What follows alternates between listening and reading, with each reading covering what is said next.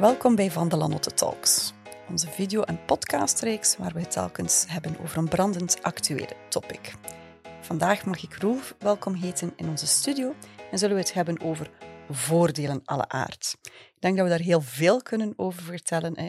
Absoluut. Maar ook vaak onduidelijk van, ja, wat is dat nu precies? Hè? Dus uh, ja, ik zou het graag eens weten. Voordelen alle aard, Ja. auto's, verwarming, elektriciteit, huizen, noem maar op. Ehm, wat is daar nu allemaal van aan? Wel, laat ons beginnen bij het begin, inderdaad. hè. Wat is een voordeel alle aard of waarom bestaat dat?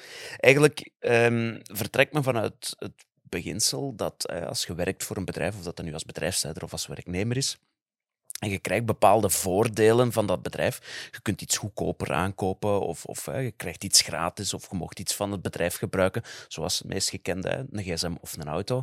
Eh, ja, dan vindt de fiscus dat dat uiteraard als gevolg van uw activiteit is, als gevolg van uw eh, werken is. En vinden ze dat er belasting op moet betaald worden. Onze wetgeving zegt dan dat er belasting op moet betaald worden op basis van de werkelijke waarde in hoofden van de verkrijger. En dat is natuurlijk een heel moeilijk principe. Want je zou eigenlijk moeten gaan kijken, wat is dat voor mij waard als, als werknemer of als eh, bedrijfsleider? En niet, wat kost dat voor het bedrijf? Want dat is dikwijls een, een misvatting die heel vaak gebeurt, die door de fiscus ook soms gemakkelijkheidshalve wordt gehanteerd, hè, want dan Ja. moeten ze niet gaan rekenen. Maar eigenlijk moet je daar gaan kijken van, oké, wat, wat zou dat voor mij gekost hebben als ik het zelf moest kopen? Stel dat een bedrijf, zeg maar iets, hè, bij motorfietsen, hè, ze kopen honderden motorfietsen aan, dan krijgen ze een mooie korting. En ik gebruik die motorfiets, of ik mag die motorfiets privé gebruiken, ja, dan ga ik belasting moeten betalen alsof dat ik die zelf had moeten kopen als particulier, als ik die zelf had moeten betalen, zonder dat ik rekening mag houden met die korting. Hetzelfde geldt als ik bijvoorbeeld hè, als, als eh, buschauffeur met de bus, de grote luxe touringcar van mijn werkgever, toevallig eerst naar huis mag rijden voordat ik een andere verplaatsing moet doen, waar dat eigenlijk ook gewoon werkverkeer is en privéverplaatsing is. Ja, de kostprijs per kilometer van zo'n bus wil ik niet betalen. Hè? Dus wat spaart? Eigenlijk moet je gaan kijken naar de uitgespaarde kost. Wat is hetgeen dat ik normaal zou moeten betaald hebben? En dat is de manier waarop Ja. dat, eh, dat berekend zou moeten worden. Zou moeten, ja. Maar ik kan me voorstellen dat dat eh, in geval van controle toch wel vatbaar is voor behoorlijk wat discussie. Hè? Absoluut, absoluut. Zijn daar dan toch een aantal andere regelgevingen in? Of Wel- misschien wat meer duidelijkheid hoe we dit kunnen wel bepalen? Gelukkig, gelukkig heeft onze wetgever inderdaad gezegd, er zijn een aantal voordelen die heel vaak voorkomen, waar dat men het bedrag, het belastbaar bedrag forfaitair heeft gewaardeerd. We kennen allemaal de auto, waar dat op basis van catalogus CO2-uitstoot, leeftijd en dergelijke een vast bedrag krijgt, ongeacht of dat je er nu heel veel of heel weinig privé mee rijdt. Dat is gewoon een vast bedrag. En zo heb je er nog hè, voor gsm, ehm, eh, de, de laptop die dat je privé mocht gebruiken, eh, de gratis bewoning, hè, de appartementjes aan zee. Dat zijn allemaal forfaitair gewaardeerde eh, voordelen. Je hebt er dan nog een paar minder bekende, zoals de huisbediendes en, en verwarming en elektriciteit hadden we vroeger. Hè, daar, eh, ehm, dat zijn allemaal forfaitair Ja. mogelijkheden om, waar dat je gewoon een bedrag op plakt op basis van misschien een aantal parameters, zonder dat je effectief moet gaan aantonen van ja, maar wat is nu juist de kost geweest? Hoeveel gebruik je dat privé? Hoeveel beroepsmatig? Het ligt gewoon vast. Oké, dat, eh, dat zijn de meest eh, duidelijke, Dat zeg is maar. het hè. Ja. gemakkelijkste op dit moment, ja. Dus eigenlijk, al die kosten kunnen we dan zonder enig gevolg in de vennootschap steken. Hè. Ik word belast op een voordeel alle aard, soms ook een misvatting. Ik hoor soms wel eens, hè, ik moet voordeel alle aard betalen, maar eigenlijk betaal je de belasting op Je dat betaalt de belasting op alle dat aard, voordeel alle ja. Ehm, maar goed, die fiscus die gaat dan zomaar akkoord met al die kosten die ik dan in mijn vennootschap steek en ik betaal alleen maar de belasting. Dat is ook iets wat een beetje uit het verleden eh, stamt, hè, waar dat vroeger eigenlijk ook niet zo heel veel controle op gebeurde. En dat passeerde inderdaad. Van ja, maar ik betaal al belasting op dat voordeel aan aard, dus de fiscus moet de kost aanvaarden. Daar zien we ook de laatste jaren dat, eh, dat het moeilijker wordt. Technisch gezien is dat in principe wel juist. Hè. Dat is ja, laten we zeggen, een onderdeel van een bezoldiging, een bezoldiging natura. Maar de fiscus heeft gewoon heel vaak een probleem met het grote verschil tussen de kostprijs voor de vennootschap, hè, dat appartement op de Zeedijk in Knokken, hè, om maar een typisch Klassiek. voorbeeld te geven, terwijl dat die een bedrijfsleider maar op een relatief klein bedrag belast wordt. En dat is voor de fiscus natuurlijk eh, heel vaak een doorn in het oog, waardoor dat ze op zuivere basis daarvan kunnen ze niks gaan verwerpen, maar op basis daarvan kunnen ze wel gaan zeggen van oké, maar goed, bezoldiging. Wat doe je daar dan voor? Welke prestaties doe je er dan voor? En dat is, ah, zeker als je een dossier hebt dat niet of niet goed onderbouwd is, dat is heel vaak de aanleiding om kosten te gaan verwerpen. Ja, Oké, en dat zijn zaken die toch wel vroeger minder voorkwamen dan nu. Hè? Die discussies met de fiscus zijn er toch wel meer de laatste De evolutie is inderdaad niet de, de, de goede kant aan het opgaan om, om uh, die voordelen allemaal in de vennootschap te steken. Als we dan nog verder vooruitblikken, hoe zie je het verder evolueren naar de toekomst? Wordt die fiscus nog moeilijker daar in dat type van kosten? Wel, op zich, de fiscus uh, moet alleen maar controleren of dat het correct wordt toegepast. Mhm. nu, wij hebben ook een beetje de ervaring dat als ze tegen een muur lopen of als ze niet verder kunnen of, of niet krijgen wat dat ze uh, zouden willen hebben, ja. dat ze ook een beetje gaan lobbyen in de wedstraat. En ook daar er is al wel eens over gesproken geweest. Hè. De minister van Financiën heeft de blauwdruk voor een grondige fiscale hervorming doorgevoerd.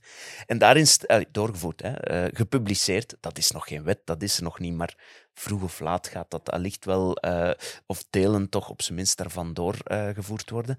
Wat staat daarin? Daar zeggen ze eigenlijk van, kijk, we willen af van die alternatieve verloningsvormen, die op dit moment fiscaal zeer interessant zijn. Waarbij men zegt van, kijk, we gaan eigenlijk eerder kijken naar terug naar wat is de werkelijke waarde. Heb je een appartementje uh, op de Zeedijk in Knokken? Goed. Wat is dat aan maandelijkse huurwaarde marktconform? Beste bedrijfsleider, je zult op die waarde belast worden. Ja. We zien dat eigenlijk al in het kader van verwarming en elektriciteit. Ik heb er daarnet kort naar verwezen. Sinds begin dit jaar kan verwarming en elektriciteit, hetgeen dat vroeger forfaitair gewaardeerd was, heel eenvoudig, kan enkel nog als effectief ook het pand of, of de, de woning ter beschikking wordt gesteld voor de mensen die een eigen privéwoning hebben, maar vroeger of nu nog de elektriciteit en de verwarmingskosten door de vennootschap lieten betalen, dan moet al op basis van werkelijke waarde belast worden.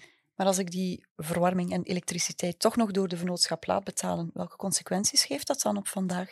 Dat, uh, dat zorgt ervoor dat wij op dit moment eigenlijk inderdaad uh, op de werkelijke waarde uh, belast moeten gaan worden. En Eigenlijk is dat zelfs nog een nadeel, want als dat wordt gefactureerd op uh, kosten van de vennootschap, zitten we met 21% BTW, die als dat privégebruik is niet gerecupereerd kan worden. Wij gaan belasting betalen op hè, het bedrag dat we eigenlijk privé ook hadden moeten betalen. Dus voordeel doen we daar niet mee. Eigenlijk kunnen we beter die contracten op dit moment uh, privé overnemen. Dan is het dan 6% BTW kunnen mogelijk zelfs nog die tijdelijke eh, tegemoetkomingen ja, krijgen voor de hoge energie, energieprijzen.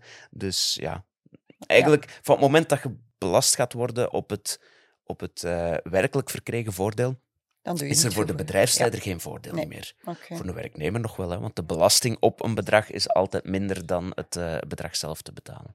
Ja. Zie je dat ook in die zin evolueren voor auto's? Voor auto's denk ik dat we iets meer tijd hebben. Ja als je die blauwdruk bekijkt, uh, daar staat heel duidelijk in dat ze de fiscaliteit wel willen gebruiken om uh, de vergroening van het wagenpark wat door te duwen. En het zijn inderdaad de bedrijven die voorlopig het meeste investeren in uh, de fiscaal vriendelijke wagens, de elektrische auto's, de plug-in hybrides.